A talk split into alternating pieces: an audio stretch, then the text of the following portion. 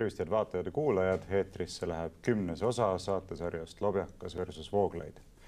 mina olen Varro Vooglaid ja minu vestluskaaslaseks on Ahto Lobjakast. tervist, Ahto! tere ka minu poolt! tänases saates mõtlesime peatuda peaasjalikult kolmel teemal. Neist esimene puudutab äh, veel kord äh, erameedia valitsuse poolset rahalist toetamist põgusalt. teiseks vaatame, kas kujunenud kriis võiks majanduse valdkonnas pakkuda võimaluse uueks alguseks ja põhimõttelisteks muudatusteks ning kolmandaks peatume veel kord Ungari vastu suunatud kriitikal, mis on saanud täiendust vahepealsel ajal. aga tuleme siis kohe esimese teema juurde, milleks on äh, juba eelmises saateski käsitlemist leidnud küsimus sellest, kas äh, valitsus peaks rahaliselt toetama erameedia väljaandeid, mis on raskustesse sattunud. ja ma omapoolse sissejuhatusena kohe ütlen ära, et mulle väga meeldis Postimehe peatoimetaja Mart Raudsaare poolt kirjutatud artikkel, kus ta andis teada sellest, et Postimees vähemalt on loobunud äh, püüdlusest taotleda erameediale mingisuguseid erilisi toetusi, nagu siin räägiti Meedialiidu poolt, et miljon eurot iga kuu kuni aasta lõpuni, et jagada siis see väljaannete vahel ära, et teha valitsuse kommunikatsioonikampaaniat ja nii edasi ning nad piirduvad ainult nende üldiste meetmetega. aga teiselt poolt ta tõstis esile kaks väga-väga olulist ettepanekut, millega mina isiklikult olen sada protsenti nõus. esiteks tuleks sundida Facebooki ja Google'it maksma teistega võrdsetel alustel makse Eesti Vabariigis, kuna nad siin väga suuri äh, kasumeid teenivad või vähemalt väga-väga suurt reklaamitulu sisse võtavad. ja teiseks tuleks kaaluda meediaväljaannetele maksusoodustusi, nii et äh, nendele kahele punktile ma kirjutan sada protsenti alla, sellepärast et need on sellised meetmed, mis esiteks on tõesti õiglased ja teiseks äh, ei kompromiteeri erameedia väljaannete sõltumatust valitsusvõimust ma olen põhimõtteliselt nõus või noh, ühesõnaga jah, mul puudub tegelikult otsene nagu hinnang sellele Postimehe liigutusele, sest et selge on see, et iga peatoimetaja teeb seda, mis talle hetkel on rahaliselt võimalik ja ta ei tee seda, mis talle võimalik ei ole, keegi ei visku tsotile rinnaga ja ütle, et ma ma ei tea, kas ajakirjandusvabaduse nimel ei võta üldse raha ja lähen pankrotti, eks see on ilmselge, järelikult Postimehel need võimalused on ja see on väljakutse teistele gruppidele, ma ei tea, siin Delfi grupile ja Õhtulehele ja nii edasi. ja tegemist on sellise ütleme siis ettevõtlusruumi kuuluva küsimusega. ma arvan taaskord, et see valitsuse äh, žest nelisada viiskümmend tuhat eurot on kaugelt liiga väike.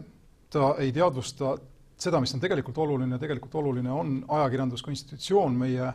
vabas ühiskonnas. sellest mulle tundub, et ei saa aru see valitsus, ei saanud aru ka eelmine valitsus kaasa olla ja üle-eelmine ja nii edasi.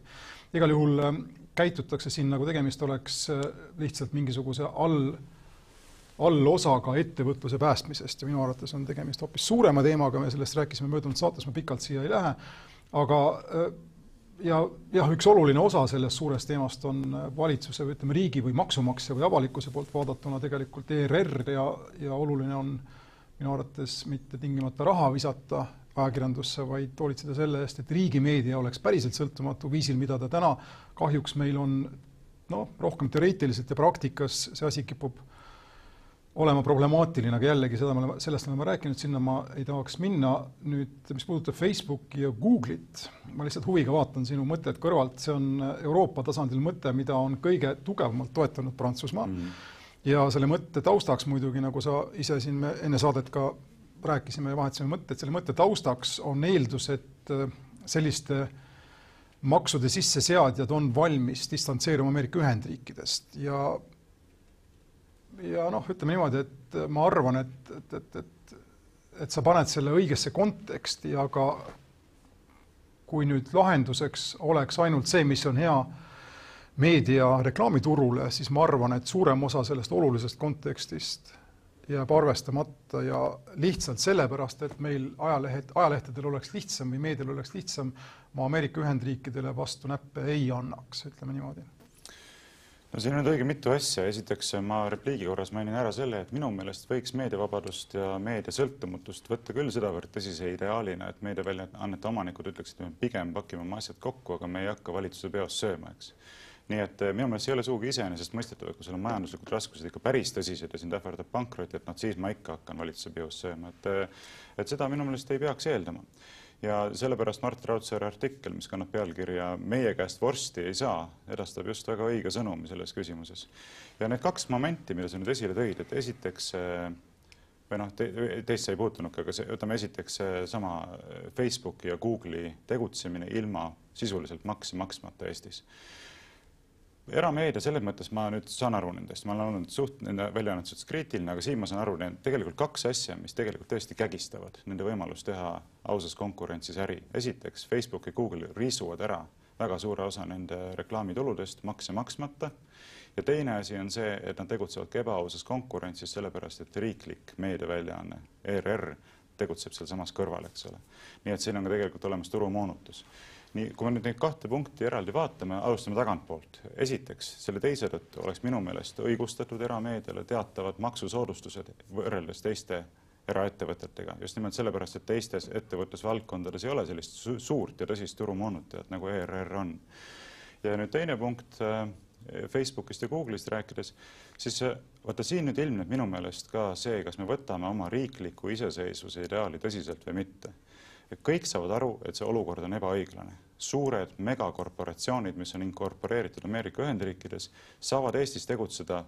täiesti teistel alustel, palju soodsamatel tingimustel kui erameediaväljaanded. ja valitsus ei julge seda ebaõiglust puudutada, ei julge öelda, et me ei lepi sellise olukorraga meie oma ettevõtete äh, ebaõiglase kohtlemisega ja me sunnime Facebooki ja Google'it maksma Eestis teistega võrdsetel alustel makse, vastasel juhul lihtsalt me blokeerime nende teenusepakkujate teenuse osutamise võimaluse Eesti Vabariigi territooriumil, nagu tehtakse iga teise väljaandega, mis ei ole nõus makse maksma. ja ultimatiivselt ei ole küsimus üldse ainult maksudes, vaid küsimus on ka selles, et nad peaksid ka teistele seadustele alluma, näiteks Facebook ja Google absoluutselt ei austa neid samu printsiipe, mis tulevad tarbijakaitseseadusest kui sa tahad Facebooki või Google'iga ühendust võtta, ühtegi numbrit ei ole, ühtegi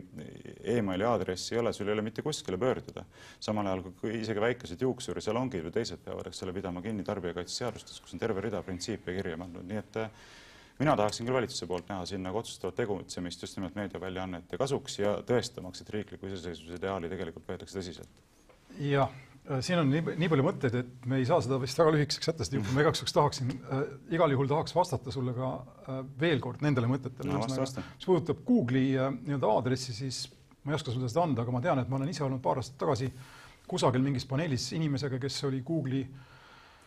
mingisugune esindaja Rootsis ja ma saan aru, et meie allume nii-öelda vähemalt mingil tasandil siis Google'ile Rootsi kaudu ja ma usun, et see kõik on leitav, see ei ole nii keeruline, aga mis puudutab riiklikku iseseisvust kui ideaali siin äh, selle reklaamituru äh, aspekti reguleerimisel, siis siit on väga lühike samm ja ma ei tea, kas sa oled sellest teadlik või kas sa selle sisse oled arvutanud,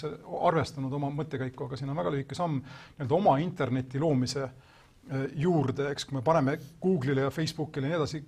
piiri kinni, me oleme sisuliselt Eesti irrutanud suurest osast internetist või sellest internetist, kus inimesed käia tahavad, eks, paneme siia juurde Twitteri ja saame niisuguse Hiina-laadse situatsiooni, kus meil on midagi, noh, mingi oma teenus konkureerid Veenus või ei ole üldse midagi mm, jääb seda auk sinna, eks. ma ei ole kindel, esiteks äh, noh, kui tänasele valitsusele, eriti EKRE-le looks see meeletu stiimuli äh, see ise täita mingisuguse jampsiga, see on kohutavalt riskantne liigutus. aga mis puudutab üldisemalt äh, seda nii-öelda kultuuriruumi või mis iganes, kuidas seda kutsuda, eks, mis jääb meie inimesele siis internetis näha, siis ma saan aru, kui Prantsusmaa või Saksamaa isegi võiksid nagu flirtida sellise mõttega, sest nad on suured kultuurid, neil on sinna midagi panna, mingit oma loo-, oma loomingut, ütleme, eks. Eestil seda ei ole ja hakata noh, oma reklaamiturgu tegema oma otsingumootorite ja oma, ma ei tea, Adna Klasnikute äh, ekvivalendiga, ma arvan, on lihtsalt äh, pehmelt öeldes absurdne. mis puudutab, ma tulen korra tagasi selle valitsuse peost söömise juurde, selle põhimõttelisuse küsimuse juurde ja ma tean, et sul ei ole sellele vastust ja see ei ole ka küsimus otseselt, aga mul, ma oleksin nõus seda teemat arutama siis, kui ma saaksin sada protsenti kindel olla, et ei Postimees ega Delfi Grupp ega Õhtuleht ega keegi teine, kes seda raha, ütleme, ei võta, ei lase ka näiteks töötajaid selles kriisis hetkel niimoodi noh, koondamisele, teades, et kui kriis lahtub, siis need inimesed on olnud Töötukassa palgal nii-öelda ütleme kaks, kolm, neli kuud ja võetakse nad siis tagasi, sest et selline võimalus on täiesti olemas meie ettevõtjatel, eks, kui sa selle koondamise vastavalt või õigesti formuleerid ja mingisuguse sellise lauaaluse kokkuleppena ma kujutan ette, väga paljud teevad sellist asja. ma tahaks, ma tahaks näha, kas niisugune asi toimib või ei toimi. kui tõesti ei hoolita riigi rahast ja peost ei taheta süüa riigipeost, siis ei, ei, ei kasutataks ka selliseid nihverdamisi ja ma kahtlen, et ükski ettevõte saaks endale lubada mitte nihverdada täna, nii et ma arvan, et see asi ei ole nii üheselt põhimõte versus põhimõtte lagedus ei noh, sellega ma olen muidugi nõus, et nihverdada ei tohiks, et ütleme, peos söömine võib olla otsene, võib olla ka kaudne, eks, et seda on võimalik teha mitmet moodi. aga lihtsalt võib-olla väikese omapoolse repliigina ma ei vaidle selle vastu, ma olen sinuga nõus sellega, selles osas, et ütleme, teatud suurte nende korporatsioonide teenuste pakkumise võimaluse piiramine Eesti Vabariigi territooriumil, kui nad keelduvad makse maksma, toob endaga kaasa muidugi teistsugused probleemid, see on tõsi, eks, et aga, aga samas ma usun, et turg täituks äh, uute pakkujatega, kes on nõus Eestis makse maksma ja tegutsema õiglastel alustel, eks noh, alternatiiviks on, eks ole, see, et tõepoolest, et meie meediaväljaanded ei olegi enam elujõulised, sellepärast et et see reklaamitulu lihtsalt läheb äh, nendele korporatsioonidele, kes makse ei maksa. ei no okei okay,, no räägime korraks realistlikult. ma usun, et lahendus mingil hetkel tuleb aga ta tuleb ja saab ainult tulla Euroopa tasandil, kui on kokku lepitud äh, mastaapselt millestki, millel on ka noh, ütleme sellist instrumentaalset jõudu Ameerika Ühendriikide suhtes, mis ei ole lihtsalt ühe väikese territooriumi iseseisvusdeklaratsioon äh, noh, sooviga mitte midagi lasta toimuda ende territooriumil. ei, sellega ma olen muidugi nõus, et siin on nüüd küll koht, kus Euroopa Liit peaks tegutsema ühtselt, on teatud asju, mida ühtsuses, kus on ühtsuses jõud, et seda ei saa eitada. mul on hea meel, et me siia, siia jõudsime ja, ja aga on teatud asju, kus seda ka ei ole, et sinna me jõuame ka veel, et saate lõpuosas aga vast äh, tõmbamegi sellega esimese teema kokku, et mitte liiga palju siia aega ära kulutada ja läheme teise teema juurde.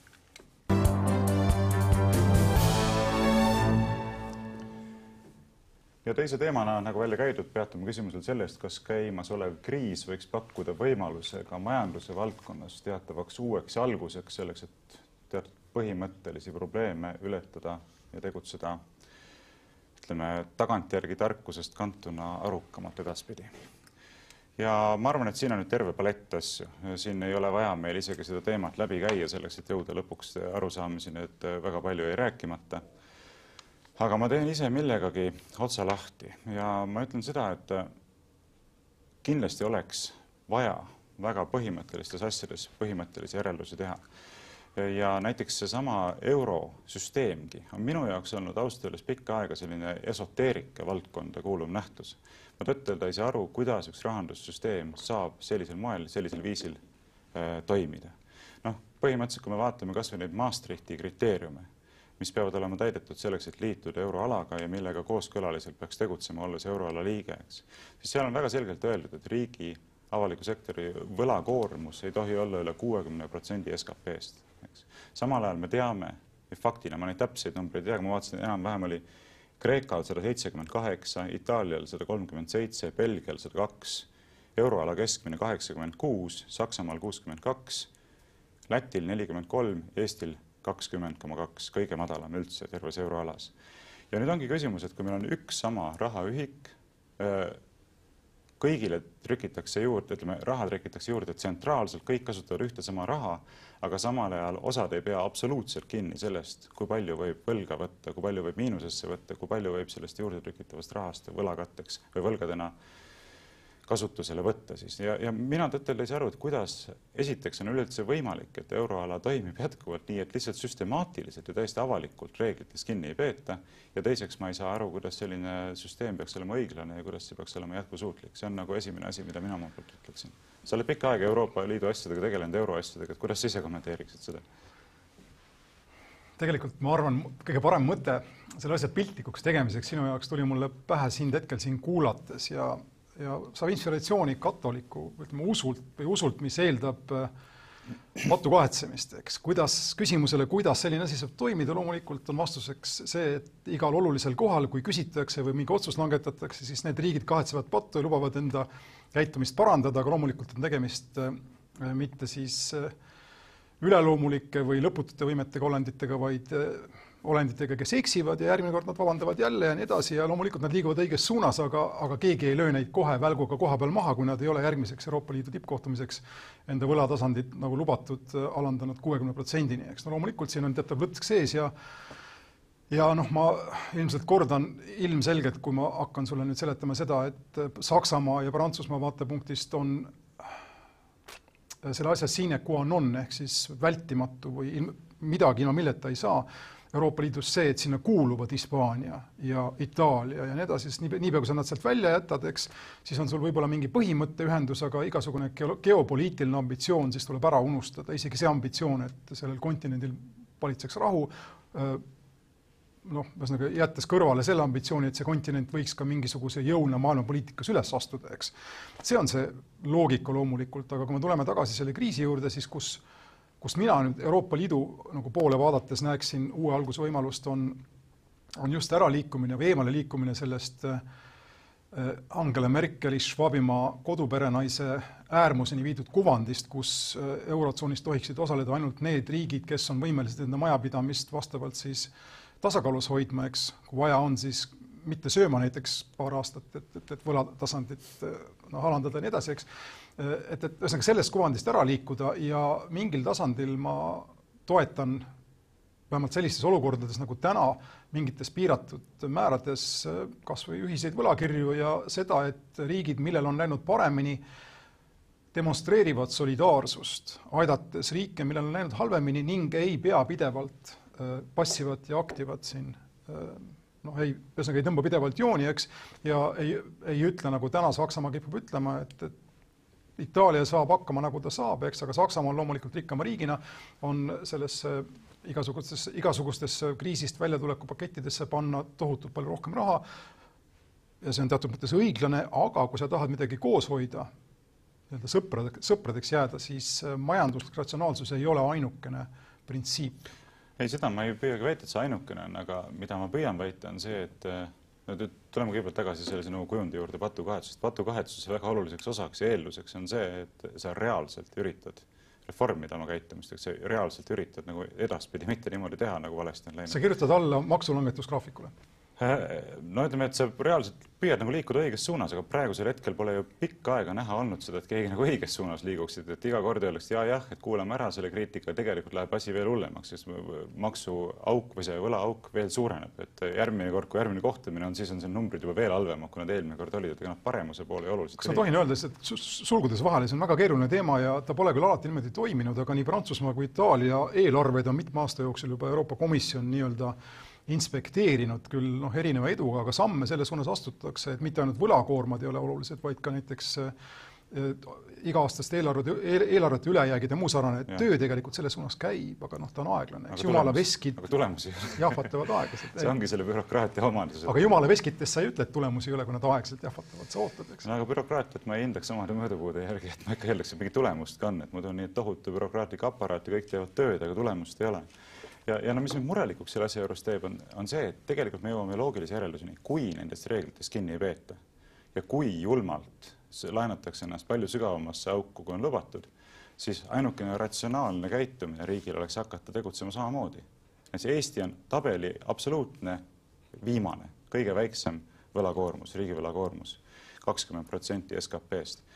samal ajal teised kõik rikuvad reegleid ja laenavad, no mitte kõik, kõigil ei ole üle kuuekümne, olgem ausad, keskmine on kaheksakümmend ja, ja, ja paljudel on, aga paljudel ei ole ka. aga rikuvad reegleid ja seeläbi tegelikult elavad ju nende arvelt, kes ei laena juurde, sellepärast et trükitakse muudkui raha juurde selleks, et nad saaksid rohkem laenata ja rohkem intresse maksta ja seeläbi, eks ole, rohkem pakkuda oma eelarves igasuguseid hüvesid välja aga, aga see toimub ju nende arvelt, kes ei laena juurde, nii et mis mind murelikuks teeb, on see, et kui nüüd ratsionaalsed järeldused sellest teha, siis tuleks laenata nii palju, kui absoluutselt võimalik on, sest kõigil hakkab juba tekkima selge arusaamine, et ega neid võlgasid mitte kunagi tagasi ei makstagi. kas, kas sulle ei tundu, et siin on neid ruume või mõõtmeid või dimensioone rohkem kui üks, jah, selle majandusliku dimensiooni, majandusrahandusliku dimensiooni osas me võime vaielda, aga põhimõtteliselt on sul õigus, see asi peab, no need nii-öelda passiva ja aktiva peavad lõppkokkuvõttes päeva lõpuks olema enam-vähem tasakaalus, vastasel juhul keegi maksab peale ja pealemaksmisel isegi solidaarsuse juures on piirid, ma ei, üldse ei vaidle sellega, aga kas sulle ei tundu näiteks, et äh, Suurbritannia siia saadetud kaheksasada sõdurit, kes põhimõtteliselt on meil lähim asi julgeolekugarantiile või ütleme, käegakatsutavam asi julgeolekugarantiiga garantiile mõeldes, mis meil täna on, eks, kas sulle ei tundu, et see on mingit tüüpi krediit? mulle, mulle täiesti tundub, et, et, et näiteks selles mõõd, mõõdustikus või selles mõõtmes kui nüüd arvestada, et meil on siin käinud Hispaania lennukid, Itaalia lennukid, Saksamaa lennukid, Prantsusmaa lennukid, nii edasi, eks meid turvamas, võib-olla et see pole sulle nii oluline nagu mulle, aga igal juhul me oleme nende ees võlglased, me oleme võtnud kõvasti krediiti ja meil ei ole meil ei ole seda ausalt öeldes millegagi tagasi maksta, sest et jutt sellest, et meil on siin oma armee, mis on noh, mis saab kaks protsenti SKT-st, eks, Euroopa tasandilt vaadates on, on lihtsalt jampslik selles mõttes, et me kujutame selgelt endast ohtu meie olemasolu kujutab ohtu Euroopa julgeolekule, Euroopa turvalisusele, sellepärast et Venemaa võib, võib meid mingil hetkel tahta ja siis selle loogika kohaselt, kui me võtame sellesama majandusloogika, paneme selle NATO-sse või julgeolekualliansi nii-öelda raamidesse, eks selle loogika kohaselt ju meie eeldame, et, et, et kuna me arvame, et me oleme kinni maksnud nende osaluse, siis teised annavad tuumalöögi Venemaale, kui Venemaa peaks julgema meid puutuda, eks. aga niimoodi need asjad ei käi ja meile antakse krediiti. me peaksime olema noh, pehmelt öeldes alandlikumad teiste kritiseerimises nendes aspektides, kus meil läheb hästi, ehk siis me, meie, meie eelarve on tasakaalus, aga meie julgeolekueelarve on kaugelt väljas sellest tasakaalust. Ja me võtame teistelt nagu jaksame ja noh, teeme näo, et me oleme õiged mehed, aga tegelikult me ei ole õiged mehed oota, aga nüüd on küll siin õige mitu asja, millega ma ei saa nõus olla, et äh, esiteks SKT-st me panustame ju kaitse-eelarvesse rohkem kui need riigid, keda sa mainisid, mitte vähem. aga reaalselt, kuhu meie armee võiks marssida, Lätti võib-olla? ei no reaalselt loomulikult, et need on väiksemad numbrid, sellepärast et ka meie SKT on väiksem, eks. aga fakt on see, et me panustame seal nendest ressurssidest, mis meil kasutada on, rohkem kui nemad, mitte vähem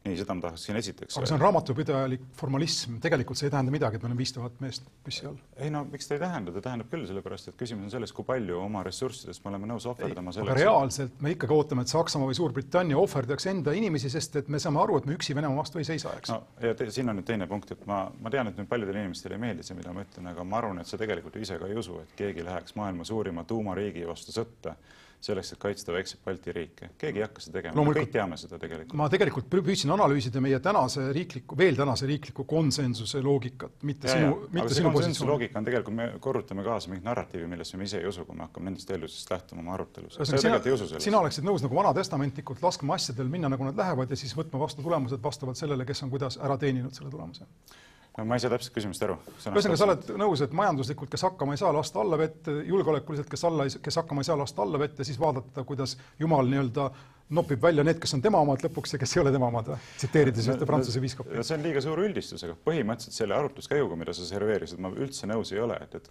teised las rikuvad kõikvõimalikke fundamentaalselt, fundamentaalseid majanduslikke ja rahanduslikke kokkuleppeid, sellepärast et vastasel juhul nad muidu ei tule meid äkki kaitsma, kui meil on sõjaline oht. esiteks ma niikuinii ei usu, et nad meid kaitsma tulevad, alustame sellest, eriti need Lääne-Euroopa poolsed riigid, kellel endal pole nahka mängus siin regioonis, eks, rääkimata Ameerika Ühendriikidest ja Suurbritanniast, mis juba ja nagu me teame, Teherani ja Jalta konverentsidel on meid korra maha müünud, eks, pärast teist maailmasõda. me räägime nendesse samadesse jõududesse, me oleme paigutanud oma peamisi julgeoleku garantii, usu peamise julgeoleku garantiina, kes on meid korra juba maha müünud, mitte nii kauges minevikus. Ja nüüd teiseks, mulle tundub ka see arutluskäik, isegi kui see eeldus oleks tõene, et nemad ju pakuvad meile julgeolekugarantiid, järelikult me peame suu kinni hoidma ja vaatama, kuidas nad meie arvelt, eks ole, sisuliselt rikastuvad järjest rohkem ja rohkem, laenates ennast kaugele üle nende piiride, milles me oleme kokku leppinud, siis see on minu meelest selline juba, siit on väga lühike samm sellise sisuliselt orjamentaliteedini, on ju. et peremees pakub mulle kaitset, eks, järelikult noh peremees lööb küll natuke ka, aga noh, tuleb ikka ära kannatada, eks ole, et kes see mulle ikka muidu kaitset pakub, ega ma ju üksi hakkama ei saaks. ja mulle selline mõtlemine üldse ei meeldi, et ma igal juhul vahetaksin selle kohe välja sellise soomlaste mõtlemise vastu, et kuulge, me võime küll kaotada, me võime küll hävineda, aga fakt on see, et me siin koogutama ei hakka, kellelegi teisele lootma ei hakka, paneme kõik mängu, mis meil on, iga mees on valmis andma oma panuse ja nii edasi. aga see on rahvusliku väärikuse kehastus, nii et ma, ma ei taha sellise narratiiviga üldse kaasa minna. tegelikult veel parem näide muidugi on Iisrael ja seal on, seal annab iga naine ka enda panuse, aga selle asja eelduseks siiski isegi Iisraeli puhul on see, et nende taga on Ameerika Ühendriigid ja see, see on ka põhjus, miks nad panustavad nii palju Ameerika Ühendriikide poliitika mõjutamisse enda võim, võimete piirides, eks, et, et ma ei arva, et maailmas oleks ühtegi head näidet sellest, mida sa, milleks sa, milliseks sa Eestit tahad siin praegu maalida, aga see selleks, ma vahepeal sain aru tegelikult sinu nii-öelda lähtekohast, sa oled selline ma ei tea, kas eesti keeles on niisugune sõna nagu covenant või otsetõlge või otsehääldusega tõlge, eks, lepingu inimene, kui sa oled enda allkirja kusagile andnud, siis sa usud sellesse lepingusse ja kõik muu mingu kuradile. ma teatud mõttes saan sellest isegi aru ja see on respektaabel, isi-, ütleme indiviidi tasandil respektaabel hoiak, aga ühiskonna tasandil ta ei ole lihtsalt, ta ei ole mõistlik, ta ei ole ta ei ole jätkusuutlik selles mõttes, et kui sa ühiskonnaga viskad niimoodi kulli ja kirja ja see münt langeb valele poolele, mis siis? Ongi kõik nagu Hitler enda punkris seal äh, Berliinis aprillikuus ütleb, et olgu, elu on näidanud, et saksa rahvas ei vääri elamist, hävitage ta siis ära. see oli Hitleri järeldus sõja lõpul, eks. see ei ole vastutustundlik ega ma ütleksin, noh, lubatavgi seisukoht poliitilisel areenil, kui sa oleksid poliit-, sa ei ole muidugi poliitik, eks. Aga saad sa aru, mida ma üritan öelda? no see hüpe oli päris suur ausalt öeldes. jah, okei ma, ma veidikene ütleme, hüperboliseerin ja see on veits groteskne võrdlus, aga, aga niimoodi ma saan aru sinu seisukohast lõppkokkuvõttes, et on olemas leping, millega mille täi-, millele allkirja andnud peavad seda lepingut täitma või siis aktsepteerima seda, et võimalik on kõik. no põhimõtteliselt küll, eks ma ei saa üle oma vari hüpata, juristiks mind on õpetatud ja juristina ma mõtlen, et põhimõtteliselt lepingulisi kohustusi tuleks tõsiselt võtta, vastasel juhul lepingu ideel ei olegi ju enam mitte mingisugust mõtet, see ei ole kellegi jaoks siduv, sest kõik juba lähtuvad eeldusest, et seda täidetakse üksnes niivõrd, kui see on mugav. aga siin on see aspekt, et Eesti kui väga pisikene riik elab ikkagi kogu aeg force majeure'is, ta ei ole võimeline iseenda ütleme, olelustingimuste eest vastutama ega neid seadma ega neid kehtestama. ta peab leppima sellega, et tal on vaja abi mujalt, et ta saaks näiteks kas või Venemaa kõrval eksisteerida. minu arvates pole sinna midagi parata ja selle abi vastuvõtmine ei ole kuidagi patune. Ei, abi vastuvõtmine ei ole, aga siin on kaks küsimust, esiteks tuleb vaadata, et kas see abi on üleüldse nagu päriselt abi et millised geopoliitilised huvid selle abi kaudu välja mängitakse, et kas on vaja, ütleme näiteks Ameerika Ühendriikidel nagu platstermi Venemaa piiri all või on vaja Eestil reaalselt nagu julgeolekugarantiid, et mis see nüüd see tegelik asi on, millega meil siin tegemist on. ja jällegi ma tean, et see seisukoht nüüd paljudele ei meeldi, aga mina ütlen näiteks seda, et kui Ameerika Ühendriigid peaksid paigutama oma tuumarelvad Eesti territooriumile, siis pole suuremat ohtu Eesti julgeolekule kui see ei no sellega ei saa keegi vaielda, Kuuba kriis no,. sellega vaieldakse igal pool kogu aeg. tuumarelvi pole vist keegi tahtnud, isegi Reinsalu, kes on võib-olla kõige Äh, haukalikum inimene meil täna valitsuses,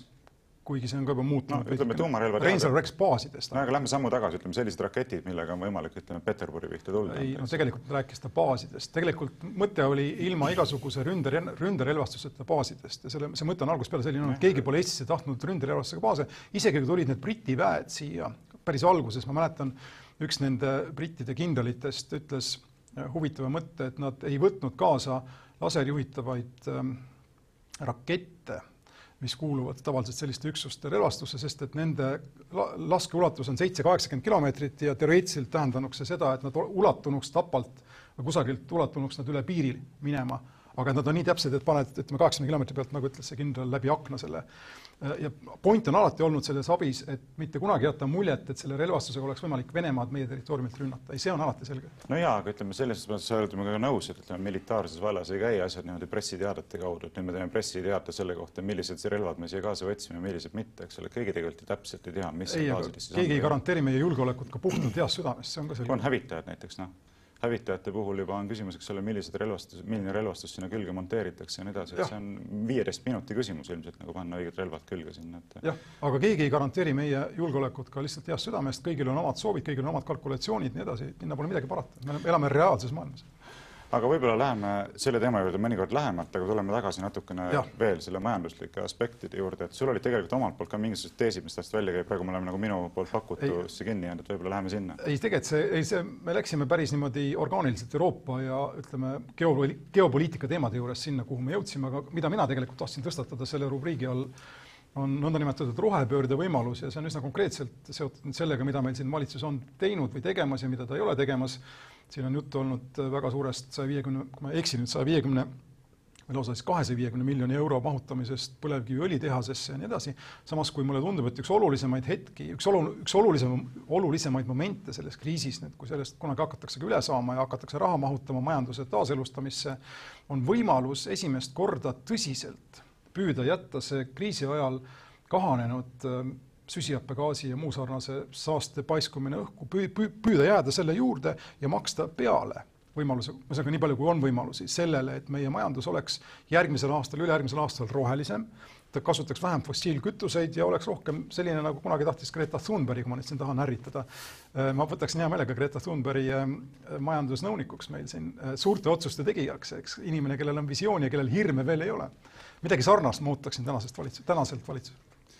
noh, Greta Thunberg on ju pigem käpiknukk, et temasse ma väga palju nagu sellist äh, usaldust ei paigutaks, et tema ikkagi esindab mingit agendat, mis seisab tema selja taga, see on täiesti selge, eks, et ega sa ka ju see on, kas sa oled temaga kohtu, kas sa oled talle silma vaadanud ja nagu George Bush Putini puhul saad öelda, et tal ei ole hinge või on hing või mis iganes? ei, hing on tal kahtlemata ja silma ma talle aga et kas ta on enda inimene, ma, mina ei julgeks öelda, et ta ei ole enda inimene, see on nii lihtsalt tuleb see kätte meile selline nagu mõtlemine, aga. ei no kogu lugupidamise juures noorte inimeste vastu ütleme niimoodi, et neljateist-viieteistaastaselt sul ikkagi ei ole veel sellist nagu elukogemust ja erudeeritust, mis võimaldaks valitsuse nõunikuks hakata, et me võime siin eriarvamusele jääda. aga ütleme seda... siis, äh, mis ta on, John Dark, sinu enda pühak, eks sinu enda kirikus, kas, kas ta lihtsalt eksis ja kõikidel nendel vanadel meestel, kes ta lõpuks ära põletasid, oli õigus, ma ei usu hästi, seal on ikka mingi niisugune aspekt, kus inimene näeb, see võib näha selgemalt asju mingisugusest suhtelisest süütusest. ei, muidugi võib näha iseasi, kas sellepärast valitsuse nõunikuks peaks hakkama või, või mitte, aga, aga see võib-olla ärme siia nüüd kinni jää. põhimõtteliselt ma olen sinuga muidugi nõus, miks mitte, et äh, ega tasubki pöörata tähelepanu sellele, et äh, ka energia tootmist muuta rohelisemaks ja nii edasi. ainuke asi, mida ma ei tahaks, on see, et see muutub selliseks irratsionaalseks tegevuseks, et teised ümberringi äh, mitte midagi selles osas ei muuda, eks ole, et näiteks mingil hetkel ma lugesin kuskil, ma täpselt numbreid ei mäleta, aga samal ajal, kui tead, Eestis piiratakse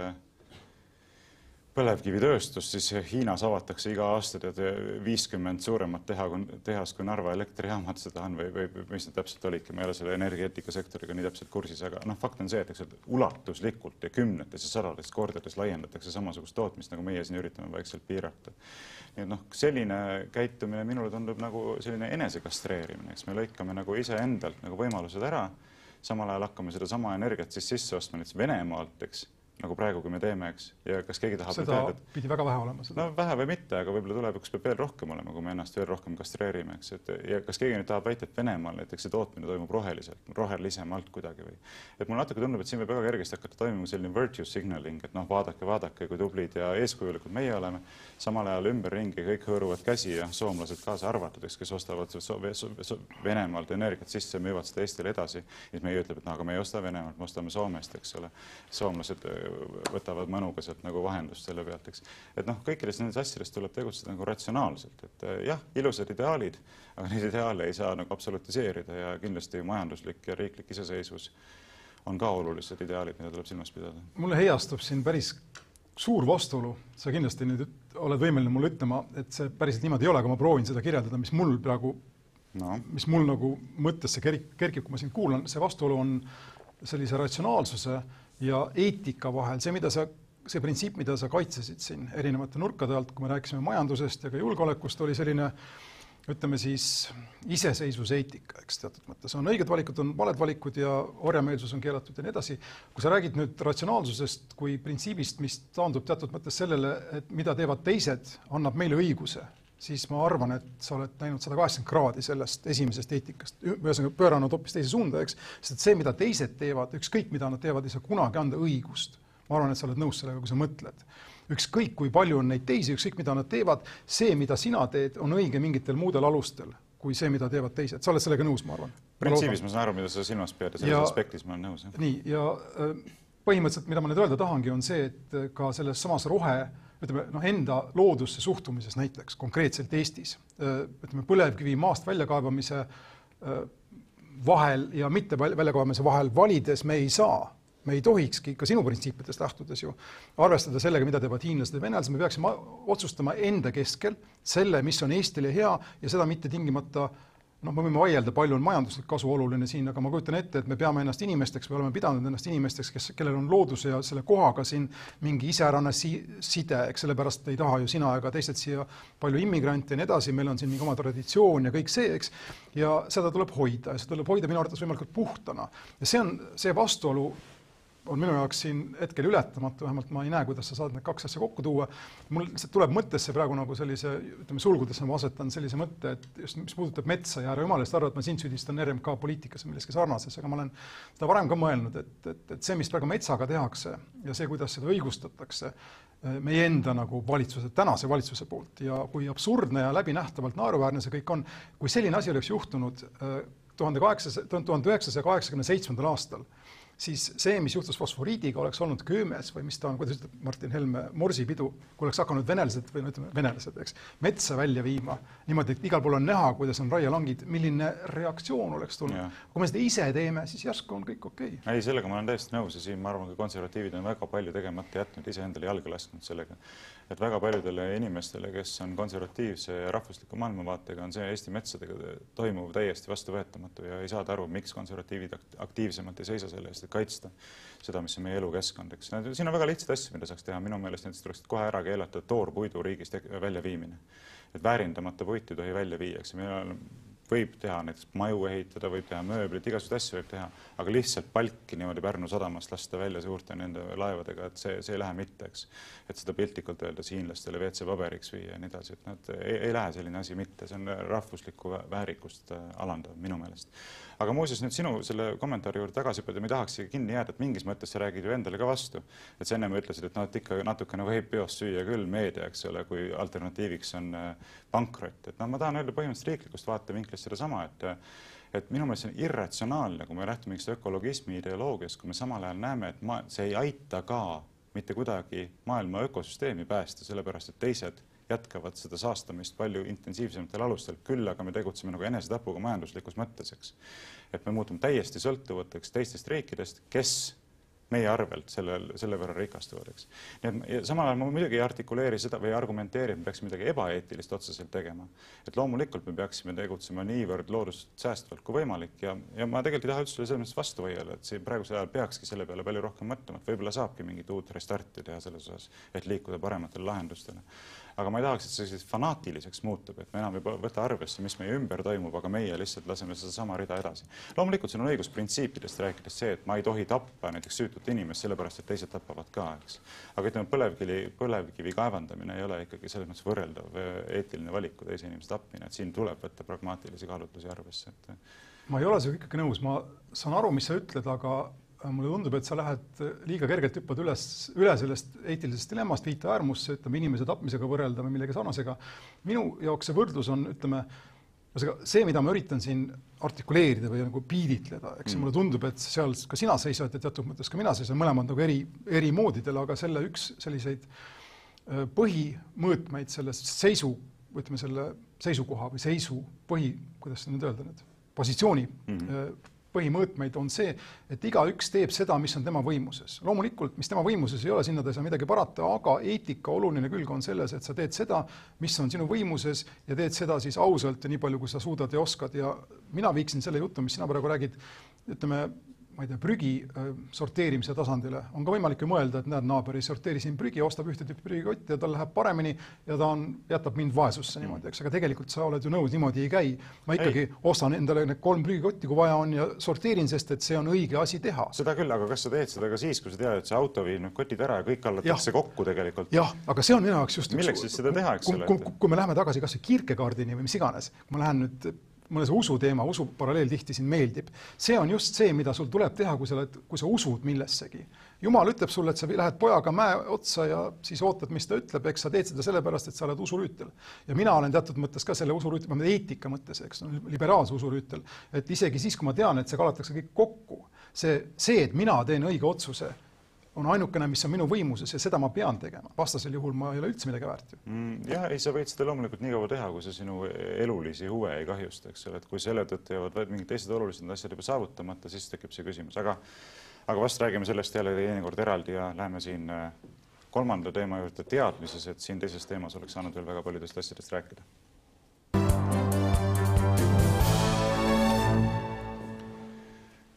ja kolmanda teemana, nagu saate alguses välja reklaamitud, peatume veel kord Ungari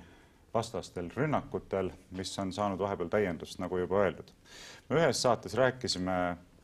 Postimehe esimese aprilli juhtkirjast, mis oli, kandis pealkirja Jumalaga Ungari, kus sedastati, et Ungari on nüüd vabast maailmast lahkunud. aga mõned päevad tagasi, kahekümne kolmandal aprillil äh, avaldati Postimehes avalik kiri pealkirjaga Civico Euroopa, koolon võitluses Covid-19 vastu autorik-, autokraatiasse langedes mürgitab Ungari Euroopa ideaale. ja tegu on siis äh, tegelikult Postimehe vaatevinklist jällegi anonüümse tekstiga, nagu oli ka juhtkiri, ei ole keegi oma nime sinna alla kirjutanud, me ei tea, kelle otsuse tõttu selline artikkel Postimehes avaldati, ometi see avaldatud on. nagu ka kaheksateistkümnes teises Euroopa suures liberaalses väljaandes, sinna on kirjutanud alla seitsekümmend kaks nii-öelda arvamusliidrid, kelle hulka kuuluvad ka Juncker, Verhofstadt ja meie oma kodukootud Taavi Rõivas. Ja tekstis noh, esitatakse muljetavaldav hulk süüdistusi Ungari suhtes, öeldakse, et Ungari valitsust süüdistatakse võimu kuritarvitamises, ohtlikus kaldumises autoritarismi, lahknemises Euroopa normidest ja väärtustest, võimu haaramises, demokraatia ideaali ründamises, poliitilise diskussiooni ja sõnavabaduse vaigistamises, ülikoolide, äriringkondade, kodanikuühenduste rõhumises, demokraatia vastasuses, õigusriigi läbipaistvuse, solidaarsuse ida- ja ühiskondliku dialoogi põhimõtete eiramises ning Euroopa Liidu õiguse ja Euroopa Inimõiguste konventsiooni rikkumises. muljetavaldav hulk väga tõsiseid süüdistusi, ometi kogus tekstis mitte ühtegi fakti, mis selliseid süüdistusi põhistaks. minu meelest on see vale, minu meelest on see alatu Ungari suhtes. me oleme siin juba korra olnud ja ma nüüd üritan öelda seda, mida ma olen varem öelnud veidike teisel moel ja avada siin natuke teise nurga alt võib-olla seda, miks ma arvan, et see on iseenesest õige, mis seal kirjas on. Ja loomulikult mul ei ole ungari keele oskust, ma sult kunagi küsisin, eks, ja mul ei ole neid fakte ka otseselt võtta, aga ütleme niimoodi, et meie riigi, ütleme ühiskonna mõte, nagu me ta oleme suuresti läänest laenanud, eks, selles on teatav loogika. Ja on teatavad arengud, mis sellele loogikale tunduvad problemaatiliste ja ohtlikutena ja on teatavad arengud, mis sellistena ei tundu. nüüd, mida kritiseeritakse selles ringkirjas ja paljust, paljudes eelmistes kriitilistes nootides või mõtteavaldustes on loomulikult see,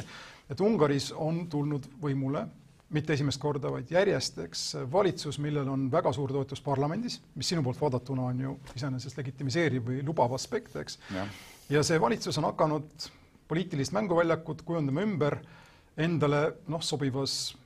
endale sobival moel ja tal ei ole vastukaalu. nii, esimene kohe punane later, mis läheb põlema, tal ei ole vastukaalu veidikene nagu siin meil on, keegi Henn Põlluaas ütles meil siin sel nädalal, eks, et ei ole mõtet kokku kutsuda Riigikogu siin äh, erakorralisele istungjärgule, sest et muidu ehk hakkab, või siis kindlasti hakkavad opositsiooniliikmed valitsust kritiseerima ja selleks pole meil ju aega, eks. no kas ta nüüd nii ütles just? no ta ütles praktiliselt niimoodi, et ilmaasjata hakkavad segama valitsuse tööd, midagi sarnast. aga tead, kui lihtne ja see on see, mida ma üritan öelda, kui lihtne, mida ütleb meie see loogika, see demokraatia ja õigusriigi loogika, on see,